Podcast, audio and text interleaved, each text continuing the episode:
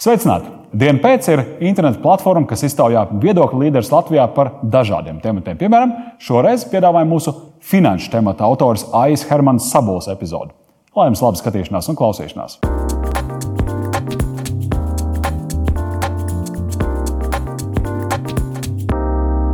Līdz šim mēs daudz uzmanības esam veltījuši privātpersonu un ģimeņu finansēm.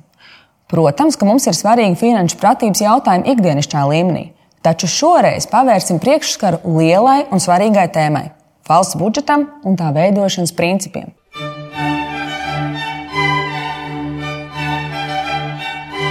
Es jau gribētu redzēt, ka nu, budžets ir līdzīgs kā tāds skaņdarbs kuru diriģents atskaņo, viņš teiksim, diriģē, visi spēlē, un beigās tev ir harmonisks, skaists estētisks baudījums. Un, un ekonomikā tā nav. Ekonomika ir sociāla lieta. Šeit ir politika, šeit ir intereses. Te ir katrs to instrumentu rausta un saka, nē, tur jāspēlē šādi, šeit jāspēlē tālu tādi. Ja? Un, un, nu, tas, ir tas, tā, tas ir gan interese, gan, gan tas ir tāds, nu, vienmēr tāds pārsteigums, ka nu, es gribētu, lai viss būtu tā pa plauktiņiem salikts. Un, un beigās, bet beigās kaut kā viss sanāk. Man ir liels prieks, ka uz sarunu izdevās uzaicināt Nilu Saks no Finanšu ministrijas.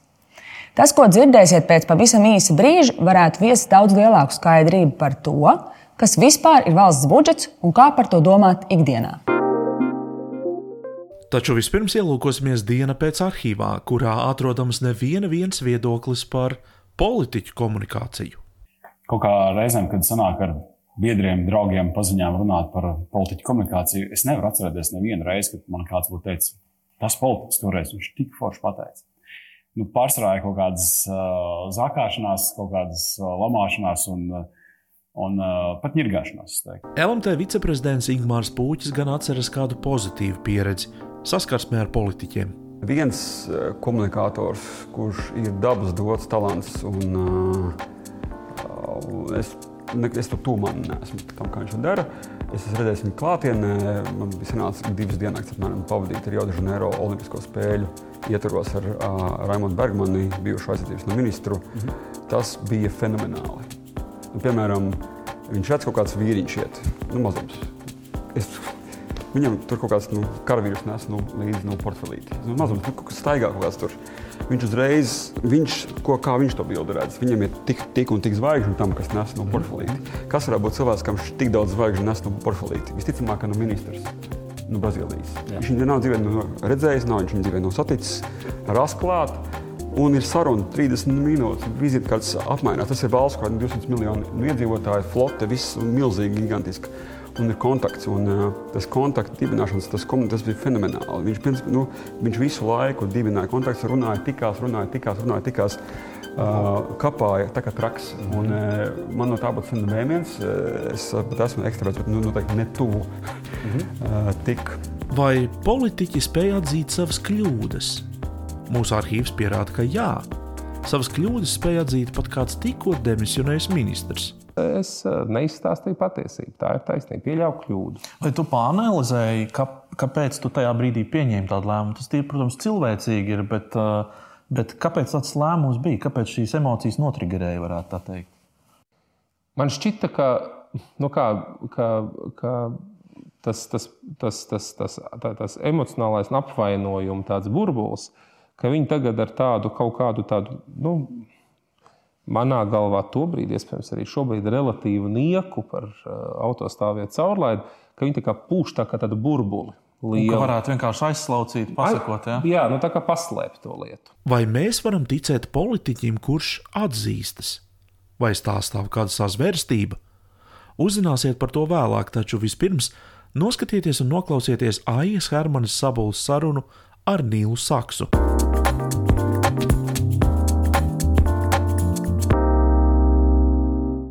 Parastam cilvēkam ir ļoti labi skaidrs, kas ir ģimenes budžets. Un tur nu, vidējā termiņā parasti tam būtu jānāk tā, ka ienākumi ir vismaz tikpat daudz kā izdevumi, un, un vēlams pat vairāk, lai veidot uzkrājumus un, un, un tā.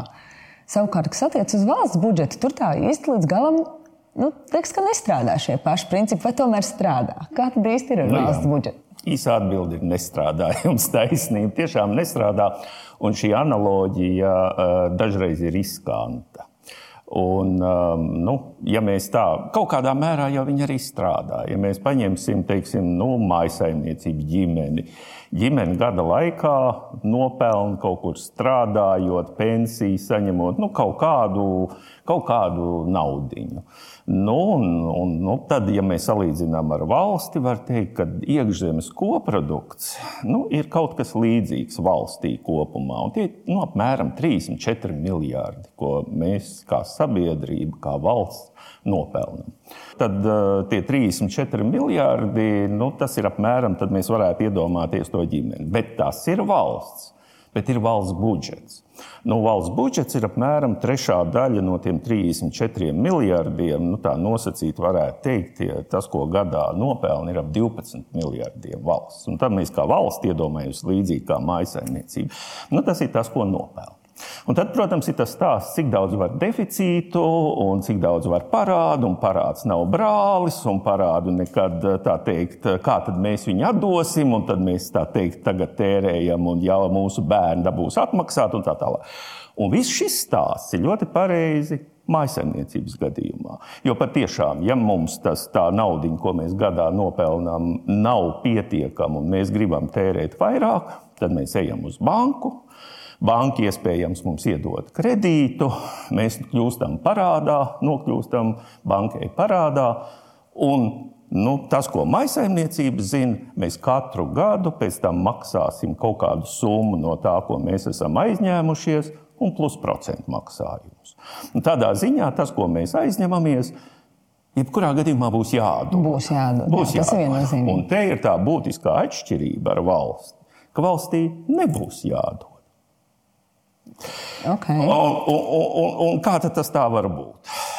Valstī, kad valsts aizņemās šo naudu, viņai nav katru gadu jāmaksā daļa no tā aizdevuma. Nu, no pamatsummas, no sakot, to, kas ir aizņemts, tas nav tā nav jāmaksā. Ja? Piemēram, valsts aizņemās uz desmit gadiem, izlaiž parādzīmi mm. pēc desmit gadiem. Un Tad tas stāsts ir tāds. Es jums atdošu to naudu pēc desmit gadiem. Piemēram, 100 miljonus esam aizņēmušies, pēc desmit gadu atdosim. Protams, tas, kuram, kurš ir aizdevis, gribēs to naudu dabūt atpakaļ. Bet tas nebūs katru gadu pa gabaliņam. Tas būs tad, kad nu, tas Nu, desmit gadi būs aizgājuši. Tas gan, kas ir jāmaksā, un te līdzīgi ir ar mājsaimniecību, ir tie procentu maksājumi. Nu, tiem Tas gudrā valodā saucās kuponu maksājums. Jā, nu, tas, ir, ko- ja, ja tas, ir ko- tajā Jā. kapitāla tirgu, ja to dara. Un tad, kad pienāks pēc desmit gadiem tas brīdis, kad tos simts miljonus vajadzēs atdot, tad valsts aizies un citā vietā paņems tos simts miljonus un atdos šim iepriekšējam. Nu, viens, tā doma ir tāda, ka valsts patstāvīgi var izlaist uh, valsts parādības. Viņi izlaiž iepriekšējo dzēšu Jā, un īstenībā turpina būt Jā. parādā, Jā. nemitīgi maksājot procentu maksājumus, bet tā pamatsumma nosacīta, uzskatot, uh, uh, turpina būt kā Jā. parāds. Bet nu, viņi īstenībā pieaug, jo katru gadu jau tas deficīts Nē, nu, uh, tagad padomāsim tālāk. Gudrā vārdā to, ko es nu pat izteicu, to sauc par uh, pārfinansēšanu. Nu, labi, atkal uz desmit gadiem pārfinansēs. Pēc desmit gadiem atkal to pašu pārfinansēs. Un tā nonāks, ka mūsu bērniem būs jāpārfinansē to. Bet bērni tāpat viņu pārfinansēs, un tā mazbērniem vajadzēs, un tad maz mazbērniem. Un principā šo stāstu varu turpināt līdz bezgalībai. Un tad vēl pieņemot inflāciju, tie Nē, nu, par to mēs tā varam nu, jā. ja, bet, bet, bet, ideja, ka tā nauda ir jādod, ir aplama, kas mājsaimniecībai ļoti dabiski. Ja? Un, un, un tādā ziņā valsts, tā teikt, nu, es nezinu, vai banka tam mājsaimniecībai visu laiku teiksim, nu, tā domāju, nenotiks. tas ja? Bet valsts reāli. gadījumā tā notiek. Bet otrs stāsts, kas arī, ja mēs atgriežamies pie maisaimniecības, ir svarīgi. Tad, kad mēs kaut ko tērējam vai paņemam bankā kredītu, tad būtiski nevis cik tas kredīts ir liels, bet cik šis kredīts ir daļa no tā, ko mēs nopelnām. Jā, nu, privātpersonu gadījumā un uzņēmumu gadījumā. Un, un šeit valstī ir līdzīgi. Nevis parāda lielums, kas ir o, tur divi miljardi, tur valsts parādā šausmīgi skan, bet tā ir proporcija šai naudai pret to iekšzemes koproduktu, kuru, kā es teicu, mēs varam salīdzināt ar to, ko maisaimniecībā nopelna. Jā. Un, un tādā veidā, ja mums tie ienākumi aug, tad tas parāds, ko mēs esam aizņēmušies, viņa nu, teikt, smagums uz mūsu maku samazinās. Nu, tas ir kā iedzert vīnu. Nedaudz iedzert vīnu, doktors saka, patiesībā ir veselīgi. Ja? Un, tā teikt, veidot budžetu ar nelielu deficītu arī patiesībā ir veselīgi, jo mēs dabūjam papildus naudu. Un atkal, ja mēs skatāmies teiksim, no maisaimniecības, ja mēs aizejam bankā un dabūjam naudu un iztērējam konfektēm, tad varbūt tas nav pats prātīgākais variants. Jā, jā vēl pie zobārs. Bet, ja mēs, piemēram, to naudu paņemam un saviem bērniem par to nodrošinām izglītību, tad caur šo izglītību bērni varēs pelnīt nākotnē vairāk, un tas parāds, ko mēs esam paņēmuši, beig, beigās pret viņu algu izrādīsies ne tik liels. Ja? Un, un te tas pats ar valsti, ja mēs aizņemamies, mums ir jāsaprot. Nu, Vai mēs ieguldām tā teikt, nosacītu konfektēm vai izglītībā? Nu, skaidrs, ka vienmēr tikai investēt nevar. Mums ir tādas tūlītējas vajadzības, kaut gan otrs puses veselība jau arī ir daudz maz ilgtermiņa investīcija, jo veselāka sabiedrība, jo, jo visiem kopā. Nu, nu, redzat, un šeit mēs nonākam pie mazliet tāda jau sarežģītākas visas tās lietas. Tad es teicu to vienu vīna glāzi, tas tā kā labi, nu, ja tas iet pāri, tad nē, un te nu varētu katram būt tas viedoklis, kur tā robeža, kas, tā ir, kas ir labi un kas ir slikti. Ja? Un, ja mēs tādā veidā paskatāmies uz to, ka mēs tagad, piemēram, pieņemam budžetu, piemēram, nu, kā šodien atbalstīt tur, uh, apmēram 700 miljoni klāt, ja, tad mums ir svarīgi paskatīties, kas tie ir par izdevumiem. Ja? Viena ir izdevumi, kas sauc kārtējie izdevumi. Ja mēs palielinām, piemēram, ārstiem, skolotājiem algas, tad tas nozīmē, ka šīs papildus izmaksas mums ir gan šodien, šogad, nākamgad, aiznākamgad un tā tālāk. Un ja mēs to izdarām uz deficītu, un šis budžets, visi papildus izdevumi iet uz deficītu, tad mēs šogad paņemam deficītu, respektīvi mēs vairāk iztērējam nekā nopelnam. Pieaug parāds. Bet šis pats lēmums, nevis kaut kāda cita lēmuma, ko mēs pieņemsim, Nākamajā gadā atkal to deficītu rada. Parāds vēl pieaug. Nākamā gadā vēl pieaug. Un kumulatīvi tas viss ir jāskaita kopā. Jebkurš papildus parāds izmaksā papildus procentu maksājumus. Un tad tas ir jautājums, vai šis pieaugums kumulatīvi, kas iet uz augšu, iet lēnāk nekā mums aug iekšzemes koprodukts. Mēs atgriežamies, kā arī tas aug un nosacīt nu, ar mājsaimniecību salīdzinot aug. Vai arī viņš aug straujāk?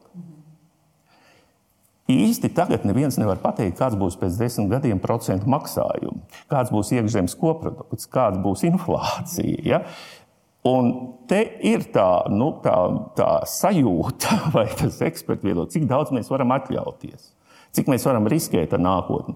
Jo, ja mēs tā to, to deficītu uztaisām pietiekami lielu šādiem kārtējiem izdevumiem, tad mēs ieejam tādā augšupejošā parāda pieauguma spirālē, kur iekšzemes koprodukts nespēs viņu mazināt to proporciju. Šis skaitītājs, ja mēs lietojam matemātikas valodu, aug straujāk nekā skaitītājs. Ja? Tad tā attiecība visu laiku, kaut arī nekāda jauna lēmuma netiek pieņemta. Mēs šodien varam pieņemt lēmumu, un, un turpmāk nākamajos mēs neko nepieņemam. Nu, tik un tā parāds visu laiku augs uz priekšu.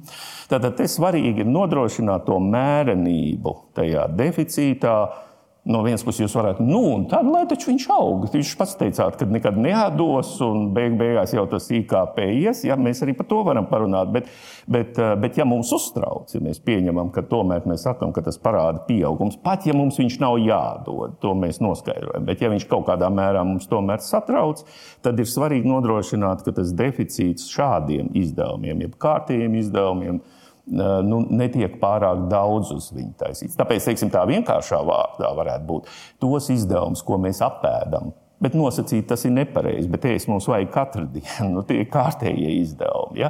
Tātad šos izdevumus vispār jau nav prātīgi uz deficītu ņemt. Mums tā kā pašiem būtu jānopelna šīm lietām.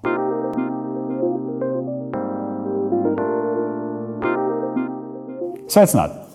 Vai es jau pierakstījies mūsu YouTube kanālā? Lai regulāri saņemtu jaunākās dienas pēc sērijas, lūk, kas tev jādara. Piespiedz subscribe pogu, tev vajadzētu būt te kaut kur. Un arī to zvaniņu, lai saņemtu atgādinājumu par jaunām epizodēm. Mēs apsolām, ka lieki netraucēsim. Lai jums laba skatīšanās un klausīšanās!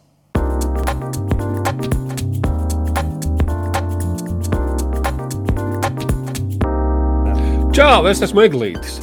Sveiki, un es esmu Petersons. Mēs bijām Barcelonā, Spānijā. Un atvedām jums īpašu dāvanu. Dāvanā ir intervija ar multimākslinieku Kasparu Vindemanu. Kaspars spēlē teātrus kopā ar Katalānijas slavenākajiem aktieriem. Super! Un tad klausamies, skatāmies uh, šovu astoņos, piekdienu, astoņos. Atgādinu, ka mēs šodien uz dienu pēc finanses esam aicinājuši vienu no lielākajiem valsts budžeta ekspertiem Latvijā - Finanšu ministrijas fiskālās politikas departamenta vadītāju Nilu Saksu. Otrajā raidījuma daļā vēlos uzzināt, cik neatkarīgi esam budžeta veidošanas procesā. Vai Eiropas Savienība mums diktē savus noteikumus? Un vēl interesants varētu šķist aspekts par valsts parādu. Izrādās, nauda, ko aizņemamies šodien, nebūs jādod mūsu bērniem un mazbērniem.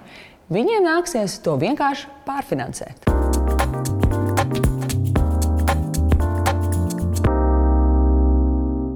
Budžeta tie ienākumi. Tātad tas ir pamatā tas, ko cilvēks samaksā nodokļos. Tādā vai šādā ceļā samaksā nodokļos. Kas vēl veido? Lielie uzņēmumi maksā dividendes. Kas vēl veido budžetam ienākumu daļu? Nu, tieši tā, es varētu teikt, nodokļi, dividendes, bet cik mums ir tie lielie uzņēmumi, Nu, kas tā ir? Nu, nav daudz, jā, bet nu, tā tad dividendes valsts uzņēmumi, Latvijas meža, Latvijas energo. Nu, Ne jau Leļu teātris, kas arī ir uzņēmums. To veidoja. Mums atkal jāsaprot, ka mazā valstī nu, mēs varam uz pirkstiem. Tad es gribētu teikt, nu, pamatā tie ir nodokļi, protams. Tad, tad ir arī nu, dažādas nodevas, ja, tu tur aizēji pasi paņemt, teiksim, tu tur samaksā kaut ko, tas nav nodoklis, nodevs nu, ir tādi. Ja. Un, bet nu, lielākā daļa mūsu valstī tādi, kas nav nodokļi, tomēr ir struktūra fondi. Respektīvi, Eiropas Savienība mums vienkārši iedod grantu vai nu, naudu, nevis aizdevumu. Saka, nu, šeit ir un, un, un, un, un var papildus projekts. Un, jo tā valsts ir nu, relatīvi Eiropas Savienības mērogā mazāk attīstīta, jo tas īpatsvars, ko mēs saņemam no fondiem, ir lielāks. Tā kā nu, mūsu gadījumā es varu teikt, tas veido samērā būtisku daļu. Piemēram, es nesen skatījos Vācijas un Francijas iekšzemes koprodukts uz vienu iedzīvotāju. Tad, ja mēs salīdzinām arī pēc pirktspējas, ja, no 95. gada ir pieaudzis apmēram vienādi divas reizes. Latvijai piecas reizes. Ja? Tā, tā, tā, tie ir neko, ja? lai arī mēs negribam to. Bet, ja mēs paskatāmies nu, tā, teiksim, realitātē, tad uh, Austrum Eiropa. Un, un tā ir arī pasaulē zināms, nu, pie globalizācijas. Jo teiksim, tas dzīves līmenis sākumā bijis zemāks, jo tā izaugsme ir straujāka. Ja? Nu, Un, ir kur, ir kur tiekt. Jā, nu, mēs jau varam kā Ķīna vēlēties, jā, lai tas būtu vēl un vēl, jā, bet, eh, bet nu, es domāju, relatīvi skatoties, un it īpaši Baltijas valstīs, šī izaugsme bijusi liela. Un, bet tie struktūra fondi viņi tiek rēķināti nu, pēc tās, cik tā valsts ir uh, nabadzīgāka pret Eiropas Savienības vidējo līmeni. Un tā kā Vācija nu, aug par diviem, mēs par pieciem, skaidrs, ka tie struktūra fondi beigsies. Uh, un tad ir jautājums, nu, tad, kur tad, tad mēs vairs nefinansēsim tās lietas, kas ir no struktūra fondiem? Nu, ja mēs atbildēsim, jā, finansēsim, mēs atgriežamies atpakaļ un uzdosim sev jautājumu, vai mēs pietiekami daudz valstī budžetā iemaksājam. Protams, mēs vienmēr varam teikt, ļoti daudz, un valsts varbūt ne, ne, ne gudri to izmanto, te viedokļi var atšķirties, bet, bet tā, tā principā tā daļa no nopelnītā, kas ienāk kopējā valsts kasē, es teicu, ir apmēram 30%. Un, ja mēs paskatāmies Eiropā, tas ir maz. Kaut kur tas citās valstīs ir 40, 45%. Nu, tāda būtiska atšķirība. Un, nu, un tad pie tiem 30 mums vēl nāk tie fondi klāt. Un, un tad tā ir. Varētu teikt, jā, bet tas ir tāpēc, ka mums nu, vēl tā attīstība, jo arī kas ir skaidrs, arī pasaulē skatoties, jo valstī tas iekšzemes koprodukts ir viena iedzīvotāja, nu, kas ir labklājības rādītājs, jo viņš ir zemāks, jo arī mazāk var tajā budžetā iekasēt. Jo, ja tu vajag daudz iekasēs un no nodokļiem paņems, tad tu savus produktus nevarēsi ārzemēs pārdot. Viņi vienkārši maksās dārgi, jo darba spēka izmaksas būs lielas. Ja? Šeit zāles ir produktivitāte, bet produktivitāte iet kopā ar to dzīves līmeni. Ja viens cilvēks var saražot vairāk lietas un pārdot, nu, tā bagātība aug, bet kamēr viņi nav, tu nevari pārāk daudziem. Bet pat ja mēs to noņemtu no un paskatītos, teiksim, nu, kādas ir valsts Eiropas Savienībā pēc savu iekšzemes koproduktu uz vienu iedzīvotāju un cik daudz viņi budžetā ievāc. Arī pēc tāda rādītāja Latvija iemāc nepro, ievāc neproporcionāli zemi pret to, kā tas būtu nu, vidēji tādas labklājības valstī. Jo, piemēram, vācieši varētu pateikt, klausieties, jūs paši iekasējat mazāk nekā mēs iekasējam. Un mēs jums vēl no saviem nodokļu maksātājiem maksājam struktūra fondiem naudas. Ja? Tā kā Merkele jau kādreiz teica, nu, klausieties, nu, jūs austrumu Eiropu. Nu, tā kā, nu, austrumu Eiropa atbild jā, bet nu, tā jau nav dāvana, tāpēc, ka šī nauda atgriežas jums atpakaļ ar to, ka mēs pērkam jūs pret, nu, tad aiziet tur. Bet, bet zinām, taisnība ir abām pusēm. Ja? Tā kā pateikt, ka, nu, struktūra fondi viss labi, bet, nu, nodokļi katrs dara pilnīgi kā grib. Es domāju, ka nākotnē nē, nu, tā gluži nebūs. Nu, viens, mēs ejam vairāk vai mazāk uz to, to aizvien lielāku harmonizāciju, un, un attiecīgi mēs varam ietekmēt lielākā vai mazākā mērā tos Eiropas kopējos procesus, bet arī mirklī, kad tas ir pielemts, tad, tad tomēr tādā, um, tādā vai šādā veidā viņš ir jāizteno. Nē. Tas viens jautājums par nodokļiem atgriežoties. Eiropā attiecībā uz nodokļiem var pieņemt tikai lēmumu, ja visas valsts piekrīt. Ja viena nepiekrīt, neko nevar pieņemt. Tur arī to grib nu, mainīt, to procedūru, jo tas ir. Tad, tad var kaut kādu vienu mazu sīkumiņu desmitiem gadu. Uh, mēģināt atrisināt un nu, neiznākt. Nu, pierādās, tomēr, ka tās valstis tomēr katra, katra savādāka. Bet skaidrs, nodokļu tas būtu droši vien vispār absolūti atsevišķs temats. Bet es gribētu atgriezties pie lielā parāda pieminējuma. Ar savu lielo parādu arī ir savs liktums. Nu, jā, tad, nu, ja jau es pateicu, ka parāds nav jādod, eh, tad par ko mēs uztraucamies? Jā, tad jau varam vienkārši turpmāk visu savu ekonomiku balstīt. Neiekasēt nevienu nodokli. Jā, tā kā nu, katrs sapratīs, ka laikam kaut kur tā robeža ir un kaut kāda ziepa tomēr rodas. Ja? Uh, un uh, kur tad tā ziepa rodas? Tā ziepa rodas tajā brīdī, nu, teicu, nu, pēc desmit gadiem tur atkal pārfinansēs un beigforši. Ja? Bet tas pieņēmums ir, ka pēc desmit gadiem būs kāds cits, kas tai valstī aizdos, lai tam pirmajam varētu atdot. Kamēr šī sistēma strādā, tikmēr ir labi. Bet vienmēr tas, kurš aizdod, viņš jau kalkulē, vai viņš saņems pēc tiem desmit gadiem atpakaļ. Viņš jau saprot, ka ne jau nu, tie teiksim, cilvēki ar saviem, uh, savu iekšzemes koproduktu savās. Jo, ja Japānai ir 200% no iekšzemes koprodukta, lai Japāņi atdod savu parādu, viņiem divus gadus tikai to vien vajadzētu strādāt un paši nulli. Ja, skaidrs, ka tas nekur nav iespējams. Ja? Bet, bet tas, kurš aizdod, viņš vienmēr domā, vai tai valstī, tad, kad man vajadzēs pēc desmit gadiem dabūt atpakaļ to naudu, vai kāds cits viņam aizdos. Nu, mēs zinām, kaut vai uz Latvijas piemēru, iepriekšējā finanšu krīzē, kad tā, aiz, tā pārfinansēšana nu, viss neaizdod vairāk. Vai pasakot, zini, aizdošu, bet nu, tur uz tādiem procentiem, ja, ka tu tur savu budžetu vienkārši būtisku daļu pārliks turien un dabūsi teiksim, visas algas griezt un tā tālāk.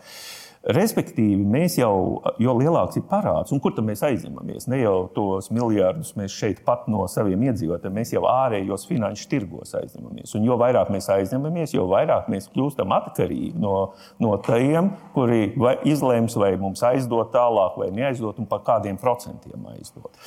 Un nu, tad jautājums, jebkurš, kurš aizdod naudu, īpaši lielu naudu, viņam tur ir risku analīzes un tā tālāk, lai tur, tur dieva dēļ, ja? jo var jau būt atdos, bet atdos nevis tajā laikā, bet lūgs tur pagarināt to parādu, ja? vai, vai teiksim, atdos, bet ne visu summu un tā tālāk.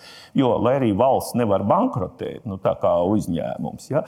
tomēr pasaulē ir gadījumi, kad parāda, ka nu, tā valsts nespēja vairs pārfinansēt, tāpēc, ka citi viņai nedod, jo tajā brīdī viņai ir tādas ekonomiskās problēmas vai ticība no finanšu institūcijām, ka, ka tā valsts ir diezgan riskanta un neaizdod.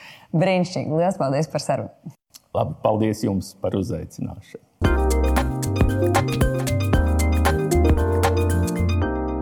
Nu, valsts budžets ir ļoti liels un, un, un kā pamata princips katram no mums, kas ietekmē īstenībā ikvienu no mums. Un, un skaidrs ir tas, ka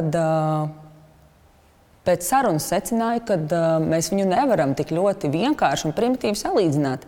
Kaut gan ļoti daudz aspektus tomēr varam redzēt kopīgus, kaut vai piemērs par parāda esamību.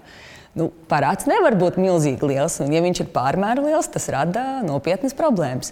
Bet uh, kopumā skatoties, uh, valsts finanses ir, ir pietiekoši kompleksa un lielā mērā politiska izšķiršanās par to, kas mums ir vai nav vajadzīgs.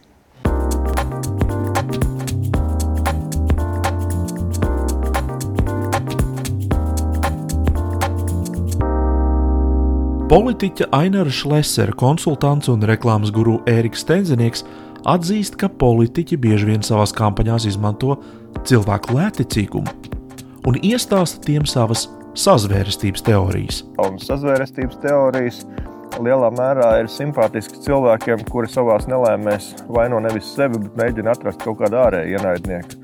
Kad valdība viss ir izzakts, viss ir nozagts, tur pasaule valda ķirzaks un ilumināti, viss ir izrēķināts. Amerikāņi nekad nav bijuši uz mēnesi un iebrauc paši savos dzīņu torņos. Vakcīnas ir kaitīgas. Ja?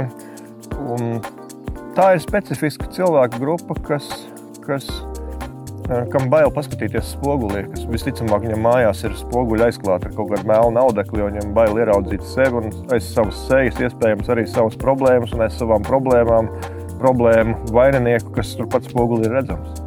Savukārt mūsu valsts prezidents Egils Levits populismu dēvē ļoti tieši. Populismu varētu teiksim, definēt kā muļķīgas atbildes uz jēdzīgiem jautājumiem.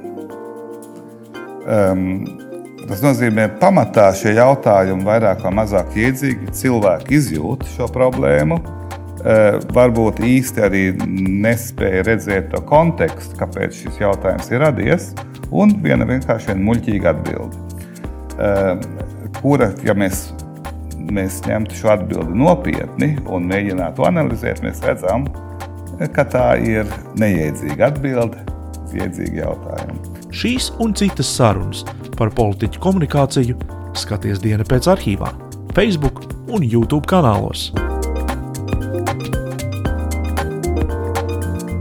Nākamajā sērijā parunāsim par privātu uzņēmumu kotēšanu publiski, biržā.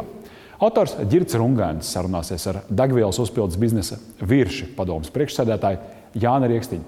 Savukārt šīs sērijas sagatavošanā piedalījās autore Aija Hermana Sabola redaktors Kristaps Petersons, montāžas inženieris Edgars Eglīts, operatori Artūrs Liepiņš un Mihails Safronovs. Raksti mums pastsēt dienu pēc.lv un seko visos sociālajos tīklos.